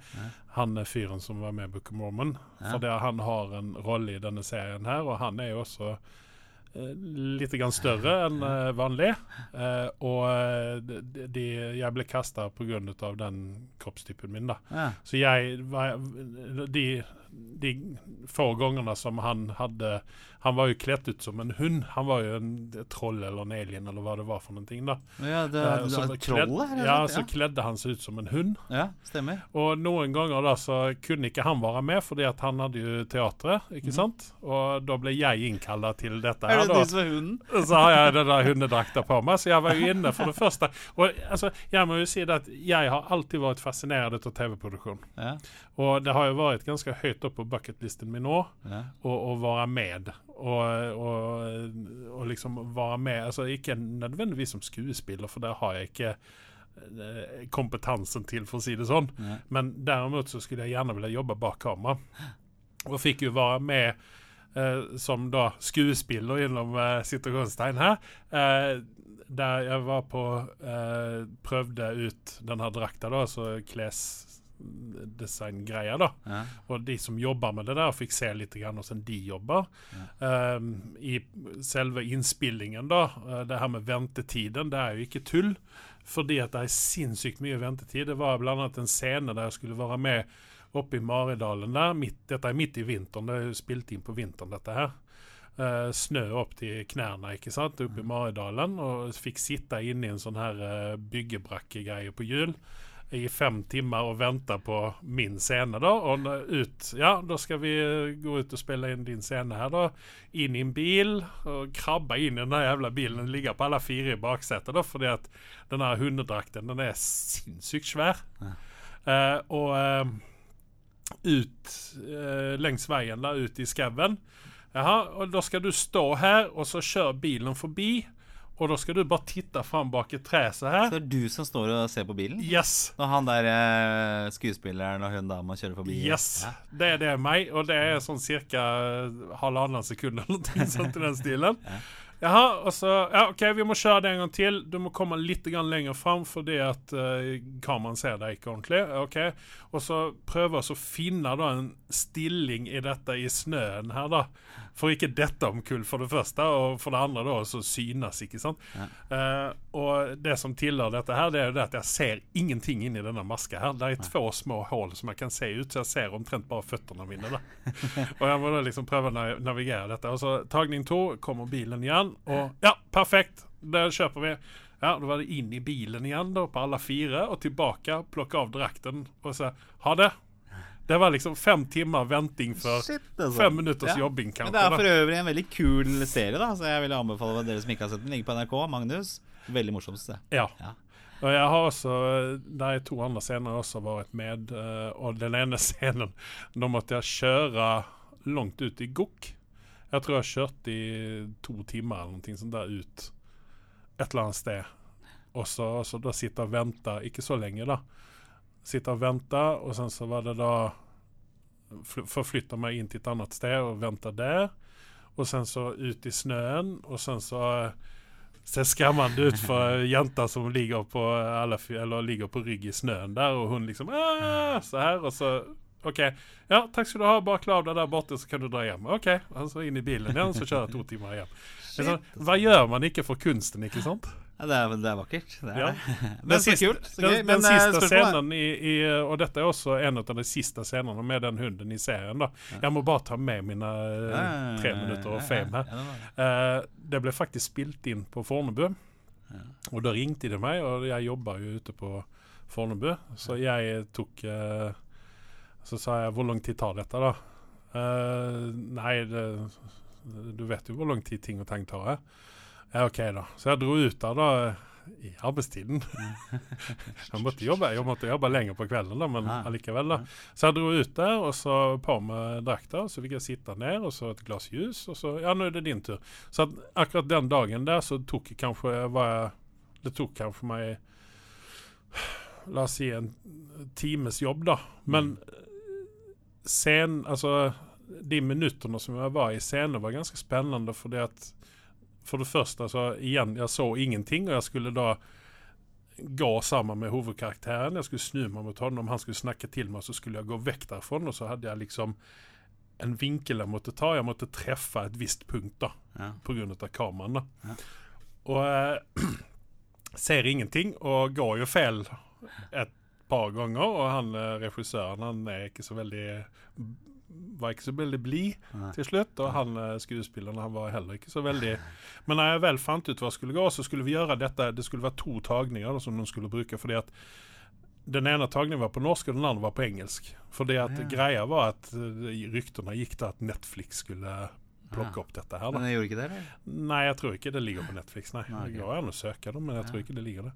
Men uh, på YouTube så kan man i hvert fall se Jeg har leta opp meg sjøl, da. Ja, ok. Og på NRK, det ligger jo på NRK da. Så eh, ja, det var mine tre minutter fame. Men eh, spørsmålet mitt er jo hvordan i all verden fikk du den eh, jobben der? Det jeg vet faktisk ikke, fordi at jeg hadde meldt meg på Det fins noen ting som heter statist.no. statist.no. -hmm. Jeg hadde meldt meg på der, Mhm. og rett for det så fikk jeg en mail fra en sånn castingjente. Som spurte meg litt, for du oppgir jo høyde og vekt og litt sånne ting. da. Så hun spurte da om dette var noe jeg kunne tenke meg, om de, jeg kunne komme inn og så prøve kostymet. da Ja. Og tydeligvis så er jeg helt perfekt for, som body eh, double til han duden, da. Kanskje du kan fortsette med det? Altså Hvis han skal ha andre roller, så kan det være Oi. Ja, jeg vet ikke. Jeg er på en måte ferdig med det, men, men poenget mitt er at jeg skulle gjerne ville jobbe bak kamera igjen. Ja. Bare, altså Jeg vet ikke som hva det egentlig. Jeg kan jo ikke løpe rundt som eh, disse 20-25-åringene som produksjonsassistentene. da Det var veldig gøy, men det er nok en jobb som krever mye og spiser deg Ja. ganske mye. Så Ja. jeg hadde jo Jeg har jo en, en TV-opptrener Eller jeg har et par TV-opptrenere til, da. Eh, en, en liksom chartfeber. Den var jo liksom main character, holdt jeg på å si. Ja. Men eh, noen år før, så eh, også i forbindelse med nærradio, lokalradio, så hadde vi Jeg vet ikke om noen husker De syv søstre, altså familiesagaen De syv søstre. Jeg Gikk på lørdager. Altså Ja. En av de Norges liksom første såpeoperaer. Det var Ja, den det, det var, var vært i den perioden som jeg kom, for jeg Ja. vil minnes at uh, dette var var liksom- liksom sånn i forbindelse med begynnelsen av uh, Hotell Cæsar, var det ikke? Ja, det var før Hotell Cæsar, Ja. uh, mener jeg husker. Det var den, og så var det Offshore, som han Kristoffer Joner var med i, blant annet. Det, den gikk på NRK, mens, eh, og den gikk på søndager. Og så gikk uh, Familiesagaen De syv søstre på lørdager. Og vi, da bodde jeg jo bokollektiv på Grünerløkka. Vi hadde vorspiel. Det her må jo ha vært uh, 93-4-5, kanskje, rundt der. Ja. Så det vi gjorde, var at vi vi hadde vorspiel mens vi så Familiesagaen i syv søstre. da Og så var det en kompis av meg som jobba på et, eh, en sportsbutikk nede i Oslo. Og så hadde de vært inne og skulle kjøpe eh, rekvisitter til produksjonen. Ja. Og så hadde han ene, eller hun ene sagt det at de også jobbet med eh, statistdelen. Så hvis det, det var interesse, for da hadde han sagt at ja, det ser vi på hver lørdag her. Så hadde han sagt eh, at ja, hvis dere er interessert i det, så må dere henvende dere der og der, eller ringe den og den, da. Ja. Og så uh, tenkte jeg det her er litt gøy, så jeg tok jeg fikk telefonnummeret av han kompisen min til eh, statistansvarlig, og så ringte jeg det at For det- de skulle begynne å skyte dette her i Oslo. Ja. Og så skulle jeg ha hadde jeg en sending på en lokalradio som gikk på kvelden. Og så sa jeg at jeg kan ikke ha et intervju med deg, og så kan du fortelle litt om statistgreiene. Og så hadde det vært litt gøy, da, fordi vi har en liten sånn Familiesagaen De syv søstre fanklubb, på en måte. Så det var litt gøy om kanskje vi kunne fått utdelt roller på lufta som en liten sånn surprise til de andre, da. Ja. Og så bare ja, ja, det kan vi få til. Og så fikk jeg med disse kompisene mine, og så skulle de liksom være den uoffisielle fanklubben av De syv søstre. Og så skulle de få utdelt eh, statistroller, da. Og det fikk vi, og så var det vel noen uker, måneder seinere, så skulle vi møte på London Bar i Oslo. Det er jo et sted for eh, homofile og lesbiske. Eh, fordi at en av karakterene der, eh, Roy Bakke, han var jo homofil. Og så var det vel en annen eh, som hadde konvertert over til å bli homofil. Så de, de skulle liksom ha en scene med de der nede, da. Okay. Så vi skulle kle oss så homofilt som mulig eh, og møte opp der nede, da. Og der satt vi en hel dag. Eh, og så gikk det ni måneder, og så kom endelig episoden, og så var vi ikke med et eneste sekund Så i det hele kjipt. tatt. Nei, men det var litt gøy, da, eh, Ja, å være med på det. Så, så det var liksom statistrollen. Og vi tror vi fikk litt penger for dette her. Altså ganske Ja, greit det, betalt også. ja, for å si det sånn, jeg, jeg, altså, jeg er jo den en person som snakker med folk når jeg sitter i nærheten av de. Så jeg snakker jo både med, med noen av hovedrolleinnehaverne i denne serien, Mm. Magnus, da. Pluss at jeg snakker en god del med de statistene som også satt der. Fordi han ene fyren han skulle spille taxisjåfør. Ja. En litt sånn eldre kar. Og så sa jeg hva, hva driver du med ellers, da? Nei, han driver med bare statistroller, da. Ja, men det er en del sånne folk skjønner du, som Ja. er på Og alle liksom statist... ja, liksom, Og jeg tenker OK, og så betaler husleie, men altså, han er jo pensjonist i Ja, Men det er vel litt sånn uføretrygd, eh, folk som på en måte ikke har jobb, eller studenter eller sånn. Er med på Godt det mulig. Mm. Men det er liksom Det er råttent betalt for de timene du legger ned, for å si det sånn. Ja. Jeg tror jeg, tror jeg fikk uh, Jeg tror jeg tjente 1500 spenn på all, all den tiden jeg la ned på dette her. da. Men for min del så var jo dette veldig interessant i tillegg. da. Det var jo ikke, Jeg gjorde det jo ikke fordi at jeg på noen, noen som helst måte ville inn i bransjen. Utan jeg ville liksom bare se bak kulissene. da. Det er jo et spennende Det er jo en annerledes eh, jobb, da. Men en, eh, apropos, bare ta den, den med den der familiesagaen i Ja, ja, var litt morsom, morsom greie. Fordi at de eh, Det var første innspillingsdag i Oslo. Og Ja. da var det noe presse, bl.a. Dagblad, som var eh, til stede der. Mm. Eh, så de snakka litt med folk rundt der, og så kom de jo bort til oss, og så sa, de, sa vi det at eh, ja, vi var eh, eh, den uoffisielle fanklubben av De syv søstre, så de ville gjerne ha et, et intervju med oss, og det får de, da. Og da står, er det bilde av oss, tror jeg, fire-fem stykker, vel, som er der. Da står jeg liksom i front, og så er jeg da eh, pressetalsmann for familiesangen De syv søstre. Og så var det noen dager etterpå, så Dagbladet hadde på baksiden av papirutgaven, så var det noen kåringer altså de hadde. Altså litt sånn forskjellige typer Ukens ditt og Ukens datt og Ukens toppliste. Og så hadde de eh, en oversikt over de mest nølete klubbene i Norge. og der havner vi på en god andreplass. Eh, Familiesagaen til syv søstres uoffisielle Da lurer man jo egentlig på hva nerdete de var som var på Jeg husker ikke det, men jeg bare husker at vi var ble nummer to. Så eh, det var, eh, det var liksom karrieren der, da. Men så, eh, Og andre Eller de andre TV-opptredenene, det var jo også litt morsomt, for det, det handla også om lokalradio. For jeg gikk jo på en sånn eh, folkeskole, radiolinje, på Skjeberg. Og der ble jeg kjent med en fyr som heter Thomas Borgvang. Og for dere som har vært på noen av disse We Love the 90s, disse store konsertarrangementene Ja, ja, ja. We Love the 80s. Så er det annet han som driver det. Og så var han popstjerne eh, tidligere. Han var i et band som het Reset. Starta det. Eh, jeg jobba, kjente jo han fra folkehøgskolen og jobba jo også sammen med han i denne lokalradioen som var i Murmansk for øvrig. Og så hadde jeg liksom kødda med han flere ganger, for dette var jo sånn eurodance-band. Mm. Og de ble nummer én på VG-lista og, og på ti skuddet, og det var liksom store greier, dette her, i sånn okay. 99. Og så eh, sånn One Hit Wonder, eller? Nei, de hadde en del eh, hits. Altså. Blue var liksom den store hiten, da. Ok, dette må Eh, vi kan sjekke google på den, eller gå på. Spotify og så sjekke ut den. For det har du levd en stund, så, så husker du sikkert den. Men så, så eh, hadde jeg liksom kødda litt med Jeg kan ikke være med på synt og eh, være med i bandet og sånn. da Triangel sa jeg vel at jeg kunne være med på, da. Og så Altså eh, Skal de spille på Bykampen i Ålesund? Det var et sånn TV 2-konsept, eller program Ja, det- som gikk det- det på, minst, ja. ja, på lørdager, med Øyvind Munn, som senere ble programleder for Idol og noe, jeg, altså, vet ikke, The Voice eller et eller annet sånt. da Eh, Han var programleder, og så eh, skulle de ha Skulle de opptre på finaleshowet, da, Reset. Ja. Ja. Booka en der. Og så ville de gjerne ha litt ekstra folk på scenen, for det, de var jo tre stykker. To som sang, eller en som rappa, en som sang. Og så var det en som eh, spilte synt. Så de gjerne ville ha to stykker på scenen da på synt. Så jeg husker jeg tok med meg mammas uh, synt, og så kasta jeg meg på fly da, sammen med de til Ålesund. Uh, og dette her gikk bare på en dags varsel eller noe sånt. da Ja. Dette var torsdag det han spurte, og på lørdag så skulle vi opptre, da.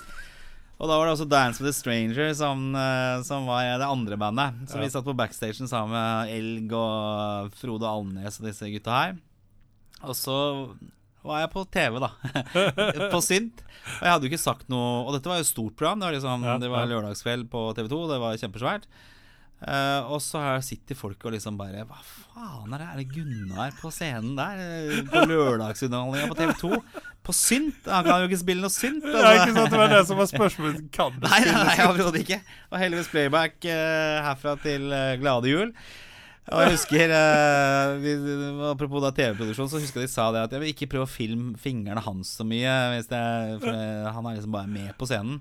Men jeg, jeg ble filma mye av fingrene, og fingrene mine husker jeg de var med i eh, TV-reklamen for albumet deres da når det gikk på TV.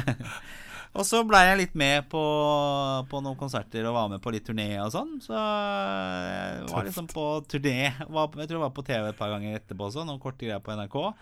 Og så siste, siste opptredenen min, det var, husker jeg var 2000. eh, Tønsberg på 17. mai. Eh, og da var det sånn at da, da hadde liksom produksjonen blitt litt større.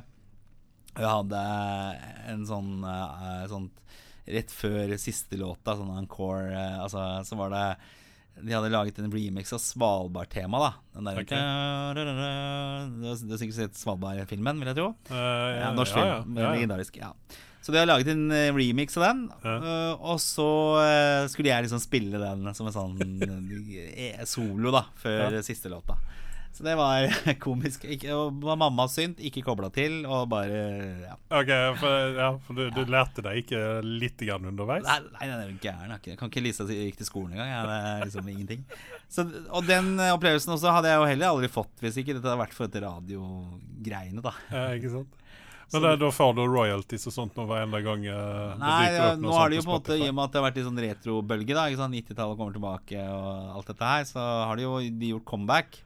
Men jeg har aldri blitt spurt om å Nei, bli var ikke ringt igjen, nei. nei. det var liksom et vondt brudd, eh, sier jeg, da. At jeg, jeg er på en måte uh, Dancemusikkens John Lord uh, fra Deep Purple. Som jeg aldri Det var noen krangling om noen groupies. Ja, det var noe krangling. Og det var, også, det var faktisk litt groupies til en, uh, en fake uh, synspiller også, så Hadde du en egen fanklubb og sånt òg, eller? De hadde jo det, da. Men jeg, jeg var jo bare innleid eh, musiker, jeg. Så det, Det var studiemusikk. ja, ja. Så det var, det var veldig gøy, da. Det var kjempekonsomt Så, um, så det var eh, Det var vel eh, holdt på å si første TV, og så har det vært Nå har det vært lenge siden sist, da. Så det, det er det. Så det har vært en lang vei, men det er vel Altså egentlig så er det vel dette har jo vært rare ting, altså rare yrkesmessige ting. Men eh, jeg har jo liksom i perioder hatt det ganske sånn straight, litt sånn som du innleda med Excel-ark og, og, og penger og uh, direktørtitler og det ene med det andre. Uh, Ja, for det var vel på en måte det du drev med når, når vi begynte med podkastingen ja, sammen? det, det, det stemmer. For det var liksom en sånn Det var fortsatt i den mediebransjen, da. Men jeg, det ble jo mer og mer digital etter hvert, uh, bort fra radio. Så det var derfor jeg liksom hadde lyst til å drive med podkast igjen, fordi at det liksom lå lura, da. At jeg hadde liksom jeg hadde Ja, du var ikke ferdig med radio, på en måte? da Ja, det var, også det var derfor jeg gjorde det. Men så Så jobba jeg da eh, i, i tysk eh, tech-selskap, altså som driver med annonseteknologi og, eh, og online video. Som het eh, Bertelsmann, eller som heter Bertelsmann. Det er jo de som De er jo kjempesvære. Eh, Det er de og- som ligger bak all den irriterende reklamen på Facebook, eller? Nei, det er vel for så vidt Facebook sjøl som gjør, så Jo, jo, men- det skal ikke den det ha skylda for. Men i hvert fall så, så var jo det Det var jo flere jobber før det også, for så vidt, men den siste jobben så var jeg veldig mye i Stockholm. Mm. Og så var det da en eh, kollega av meg som viste meg et fenomen uh, som uh, jeg ikke skjønte i det hele tatt hva var, men som var da en quiz. En, en live-quiz, altså en mm. app du laster ned. En live-quiz som gikk på et fast tidspunkt, altså hver kveld klokka åtte i Sverige. Ja. Med en programleder, og så var det en quiz med elleve spørsmål. Men det, dette er ikke TV, utan dette er online. Det er, det er jo en- det jo TV-program, men det er en, i en app, da. Uh, Ja. Så det er liksom en annen plattform, bare at det fortsatt er TV. Ja. Så jeg tenkte liksom sånn som Jo, men det er ikke bingolotto, liksom. Nei. Så det, det er bare Det er liksom elleve spørsmål, tre alternativer. Du blir med så lenge du, du svarer riktig, og så går du ut, da. Så, så jeg tenkte liksom i denne on demand ikke sant? Man ser jo filmer når man vil selv, man ser mm. nyheter når man vil selv, man hører på en podkast når man vil selv. Mm. Så var det liksom det å samle folk til ett tidspunkt, tenkte jeg det, det fins vel ikke lenger. Altså det som heter lineær TV, eller lineær mediekonsum. Men så dukker denne appen opp, som en kollega viser meg, som heter Primetime. Mm. Og jeg bare Hæ, det, det her skjønner jeg ikke noe av. Hva er dette for noe? Eh, jo, det er Og det, det, det er liksom 100 150 000 som er med, som spiller samtidig. Så jeg bare Det, det skjønner jeg ingenting av. Altså, er det, er det mulig? Og så blir jeg jo mer og mer fascinert av dette konseptet. Mm. Uh, kan jo hende at noen der ute har spilt det her i Norge, for det er jo da i Norge. Vi skal jo dit. Uh, men eh, så, Og så skal de starte opp i Norge, og så litt uh, frem og tilbake så får jeg tilbud om å, å starte dette her i Norge, da. Denne quiz-appen eh, i Norge, og lage norske sendinger eh, med en, en quiz-app. Så, og det har jo blitt bare en fantastisk eh, suksess. Uh, på det meste så er nesten 50 000 spilt i, i Norge. Mm. Uh, men det er jo et helt er et produkt jeg aldri hadde klart å liksom se for meg i det hele tatt. Nei, men jeg tror egentlig at også, vi har kommet litt grann til det her med at man er tilbake til Man vil tilbake litt grann til lineær TV, som du sier. Ja, Fordi at eh, nå, nå flere og flere av de streamingtjenestene har gått bort fra Netflix-modellen. Ja. Med at de faktisk viser en gang i uka, eller legger ut to episoder i uka. Eller, ja. så det som Amazon driver jo veldig mye med det, og HBO òg. Samseing og Ja. liksom watercooler, at man kan snakke om den episoden i dagen etterpå. Da, Ja, ikke sant? Riktignok kan du se det når du vil. Ja. uh, ikke sånn at du må til en fast tidspunkt, men det er en fast dag, ikke sant? Ja. Så det var det- sånn Game of Thrones ikke sant? kom Ja. en gang i uka, det var et stort høydepunkt. Og, Ja, og så er det flere sånne serier også, da. Så, så det blir jo litt sånn fair og missing out. Altså Du, du må liksom være med der og da for Ja. å liksom være med på dette her sånn. Eh, Men, men det her prime primetime-greiene, altså, er det bare klokken sju? Etter er det så er det Nei, det den appen er egentlig død 23 timer og 45 minutter i døgnet. Ja. Men hver kveld klokka 19.00 så våkner denne, denne appen til live. Og så er det Nå er det vel en sted mellom 15 og 20 000 da, som spiller hver eneste gang. Så det er jo, det er jo en, en mye folk i forhold til en, en TV-sending. Mm. Men alt er jo interaktiv. Alle får de samme spørsmålene. Alt er real time. Eh, Det er live på en måte streaming. Du, du svarer på de samme spørsmålene som, spørsmålene som alle andre. Mm. Så, og det er jo litt det der når jeg skal liksom fortelle hva jeg jobber med. Men altså det liksom, jeg jobber i en quiz-app, liksom. Altså det er jo bare Det er, Det- det er jo litt spesielt. Quiz-konge. Ja. Ja. Så det, det er jo helt, helt vanvittig. Det er helt merkelig. Men det er produkter liksom aldri hadde klart å liksom se, se for meg. Da. Så alle disse rare tingene jeg har vært med på da opp gjennom åra, så er dette her liksom en egentlig sånn naturlig ting. At liksom bare, Ja, selvfølgelig skulle jeg liksom jobbe med en quiz-app når den kommer til Norge. Uh. Så det er, det er utrolig gøy uh, å være med å skape noe, å være med å bygge opp en plattform fra, fra starten av. Uh, og nå sendes jo alle, alt dette her fra Stockholm, Mhm. så det er ikke noe studio i Norge. Det var det meningen at det skulle være, men, eh, men eh, det, det er det ikke foreløpig. Men Men, men den foregår fortsatt på norsk? ja, ja, det er fra norsk. og det er nordmenn i liksom, Ja. Stockholm som bosetter Stockholm, som er programledere. da Ja. Så det er jo som et vanlig talkshow. Det er som, eller ikke talkshow, men et, eh, et quizshow. Altså som å se på pff, et eller annet spørreprogram som var veldig populært tidligere. Det er jo ikke så mange av de nå. Altså, sånn som Jeopardy og Kvitt eller dobbelt eller og alle disse gameshowene da hvor du liksom tok inn noen folk fra gata, og så Ja, det er jo en ganske enkel forklaring til at det er litt større i Sverige. For det, eh, i Sverige så har det jo vært en tradisjon med alle disse den type Ja, eh, men det har det for så vidt vært i Norge også. Ja, men altså TV-program som er som På sporet og, og Ja. Bingolotto og litt sånne Ja. ting. Det har vært en stor greie i Sverige det der alltid, at man har samlats til et visst tidspunkt på en kveld, og så har man sett på kjendiser tevle mot Ja. hverandre, f.eks. Ja. Men her er det jo ikke kjendiser, altså, for det her er jo vanlige folk, ikke sant? Som, eh, Jo, jo, jo, men altså, konseptet blir jo på en måte den samme, da. At du, du liksom du samles eh, på et tidspunkt for å og, eh, altså, men i, dette, i ditt fall da, så blir det det at uh, seeren også konkurrerer, da. Ja, Det blir jo som du nevner, du var inne på, at eh, sånn som det var før, så var det liksom live, og man, eller, Ja. man, alle så på samtidig, men man kunne ikke delta. Det var bare to stykker eller en Ja. annen kjendis eller vanlige folk som var der, men man bare satt og så på selv. Mens her er det jo man interaktivt er med da, og svarer på spørsmålene. Man vinner en liten, liten premie. Men det er, det er jo et produkt som er utrolig kult og interaktivt, som har blitt veldig stort, og som på en måte samler folk. da Det handler om kunnskap, og det er gøy. Konkurrere litt innad i stua, eller hvor det måtte være. Og så, og så er det bare Men jeg, det, det slår meg liksom For dette skal være liksom ikke helt A4, men det er sånn, det er sånn merkelig, og jeg tenker over det. At det liksom Det er det her jeg driver med. Det er det her jeg jobber med. Ja, Altså, men det, det er ikke en helt er ing- A4-jobb. altså, denne jobben her, det er ingen som har den i Norge. Det er eneste i Norge som har denne jobben her. Det er Ja. meg. For det er bare en som jobber i Primetime Norge. Det er meg. ja. ja, for det, det, er det, er det er jo naturligvis ikke du som sitter og skriver disse spørsmålene. da. Nei, altså Jeg er jo med på det også, så jeg sitter jo Det er også en sånn pussig greie. Jeg sitter og lager fotballspørsmål. Eller, og jeg har vært i Stockholm og også avholdt en quiz selv. Altså vært på Oi. TV sjøl.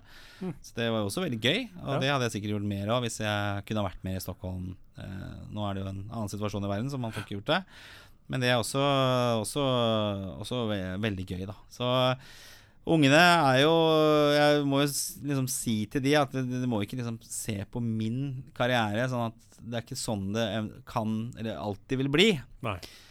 Men jeg har jo liksom aldri hatt egentlig noe Noe sånn Jeg har ikke hatt noen ambisjoner egentlig om noe. da Jeg har aldri liksom gjort ting fordi at jeg mener det er strategisk riktig i forhold til yrkeskarriere, og, og sett på titler og, og vært strategisk i forhold til valgene. da Jeg har bare egentlig bare kasta meg på ting og gjort det som jeg føler er er riktig og morsomt. Og jeg går jo tilbake til det jeg sa innledningsvis, at jeg føler fortsatt at jeg liksom er det der, han som var på, i kjellerbandet, og så har fått muligheten til å leve av det. Og, og i mange tilfeller også bra. Altså vært bra, bra betalt. Og jeg liksom hatt, har hatt det veldig gøy. Mm. Uh, og jeg, det er jo litt sånn jeg tror kanskje mange føler på uh, Hvor lenge kan det vare? Når er det liksom det sier stopp? Uh, når er det på en måte ikke Når er det ikke flere sånne morsomme jobber igjen? Men jeg tenker so far so good. Jeg har Nå surrer jeg rundt med en Jeg er quizkongen i Norge og jobber i en, en, en quiz-app. Altså det å liksom forklare svigermor hva du jobber med, det, det er lettere når du er sykepleier eller Ja, hva det måtte være. Så, men det har vært veldig gøy, og, og, og det har egentlig bare ført meg fra det ene morsomme stedet til det andre. Så jeg, jeg, jeg tenker ofte på det, da, at eh, jeg har vært veldig heldig. At jeg har vært, jeg har vært liksom snubla over ting og bare Du har vært på rett sted til rett tid. Ja, jeg, jeg tror det. Kjenner de det. rette folkene. Ja. Og kunne sikkert ha gjort det annerledes og vært mer strategisk og sånn på ting, som jeg nevnte, men, eh, men jeg har ikke gjort det. Og så har jeg egentlig bare snubla over ting. Ja. Nei, altså, jeg hadde ønsket at jeg også var den typen som hadde kunnet ta sånne, sånne valg. da Men jeg er mer sånn konservativ og er litt sånn redd for å, eh, Trygghetssøkende.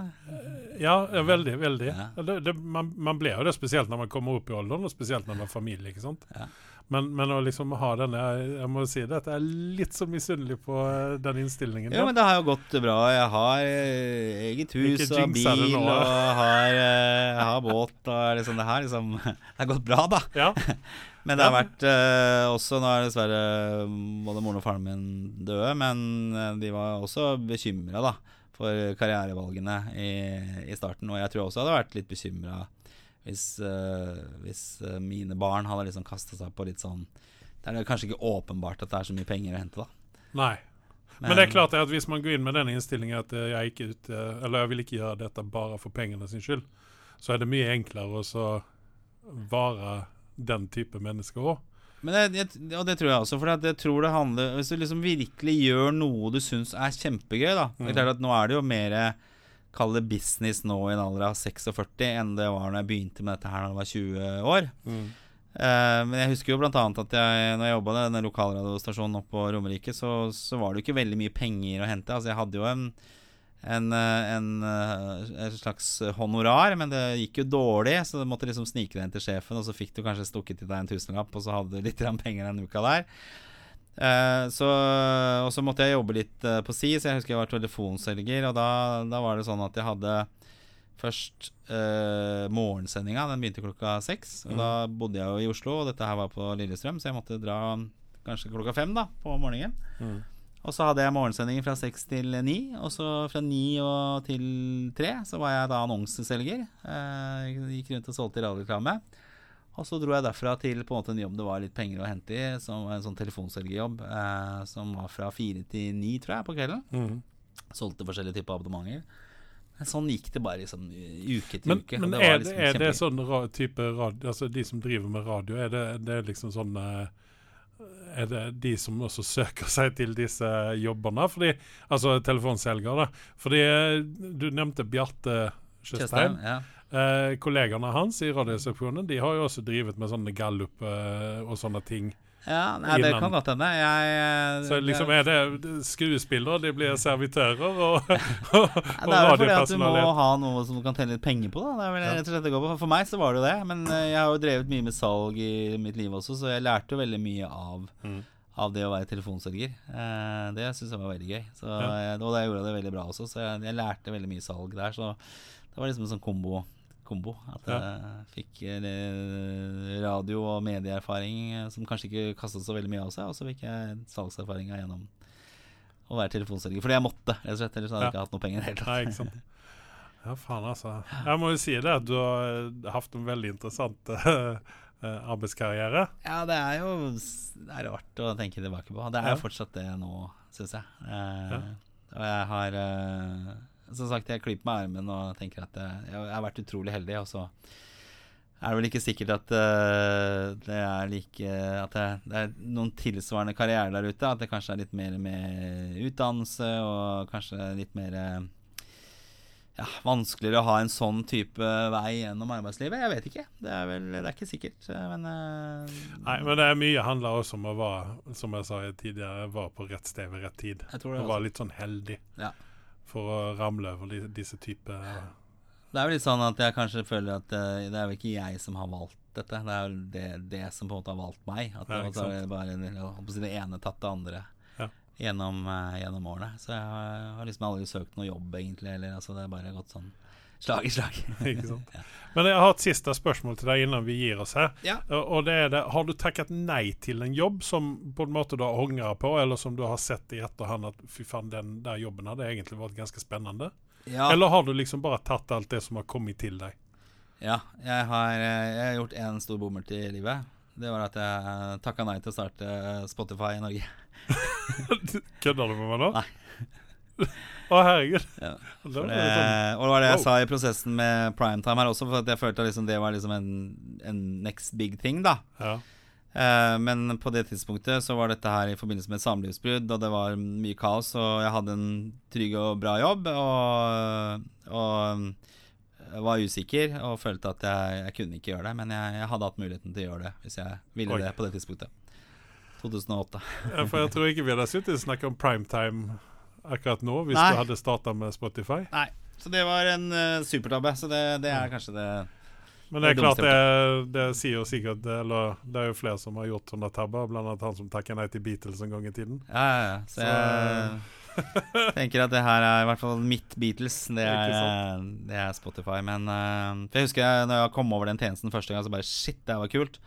Og dette var helt i starten av, eh, av tjenesten. Og så kom jeg borti de gutta som drev dette her i, i Sverige.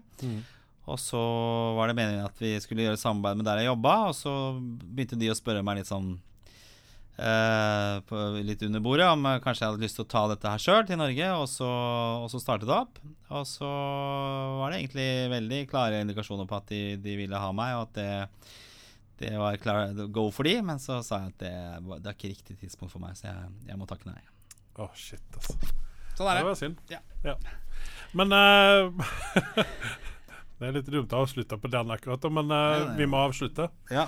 Uh, så jeg takker til deg, Gunnar, at du kom, eh, tok deg tid å komme hit. Bare hyggelig, det var veldig du har levd, som jeg sa, et veldig interessant eh, liv. Ja, når man eh, oppsummerer det sånn, så blir det jo litt interessant. Jeg Ja. synes jo oftest det er morsomt å snakke om andre. Jeg er ikke så komfortabel med å snakke om meg sjøl, selv om det kanskje høres ut som jeg får vann på mølla her. Men eh, det er litt gøy å, å oppsummere det litt. Ja. Så dette her kanskje kan istedenfor CV-en min, så kan jeg jo sende den, den her isteden. Ja, hvorfor skal ikke? Ja. Hvorfor ikke? Hvorfor ikke?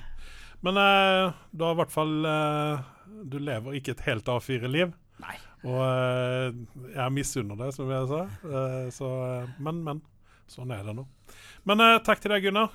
Bare hyggelig. Veldig hyggelig å bli invitert. Tusen takk. Ja. Takk, Andreas. Snakkes vi helt sikkert en annen gang. Ha det. Ha det.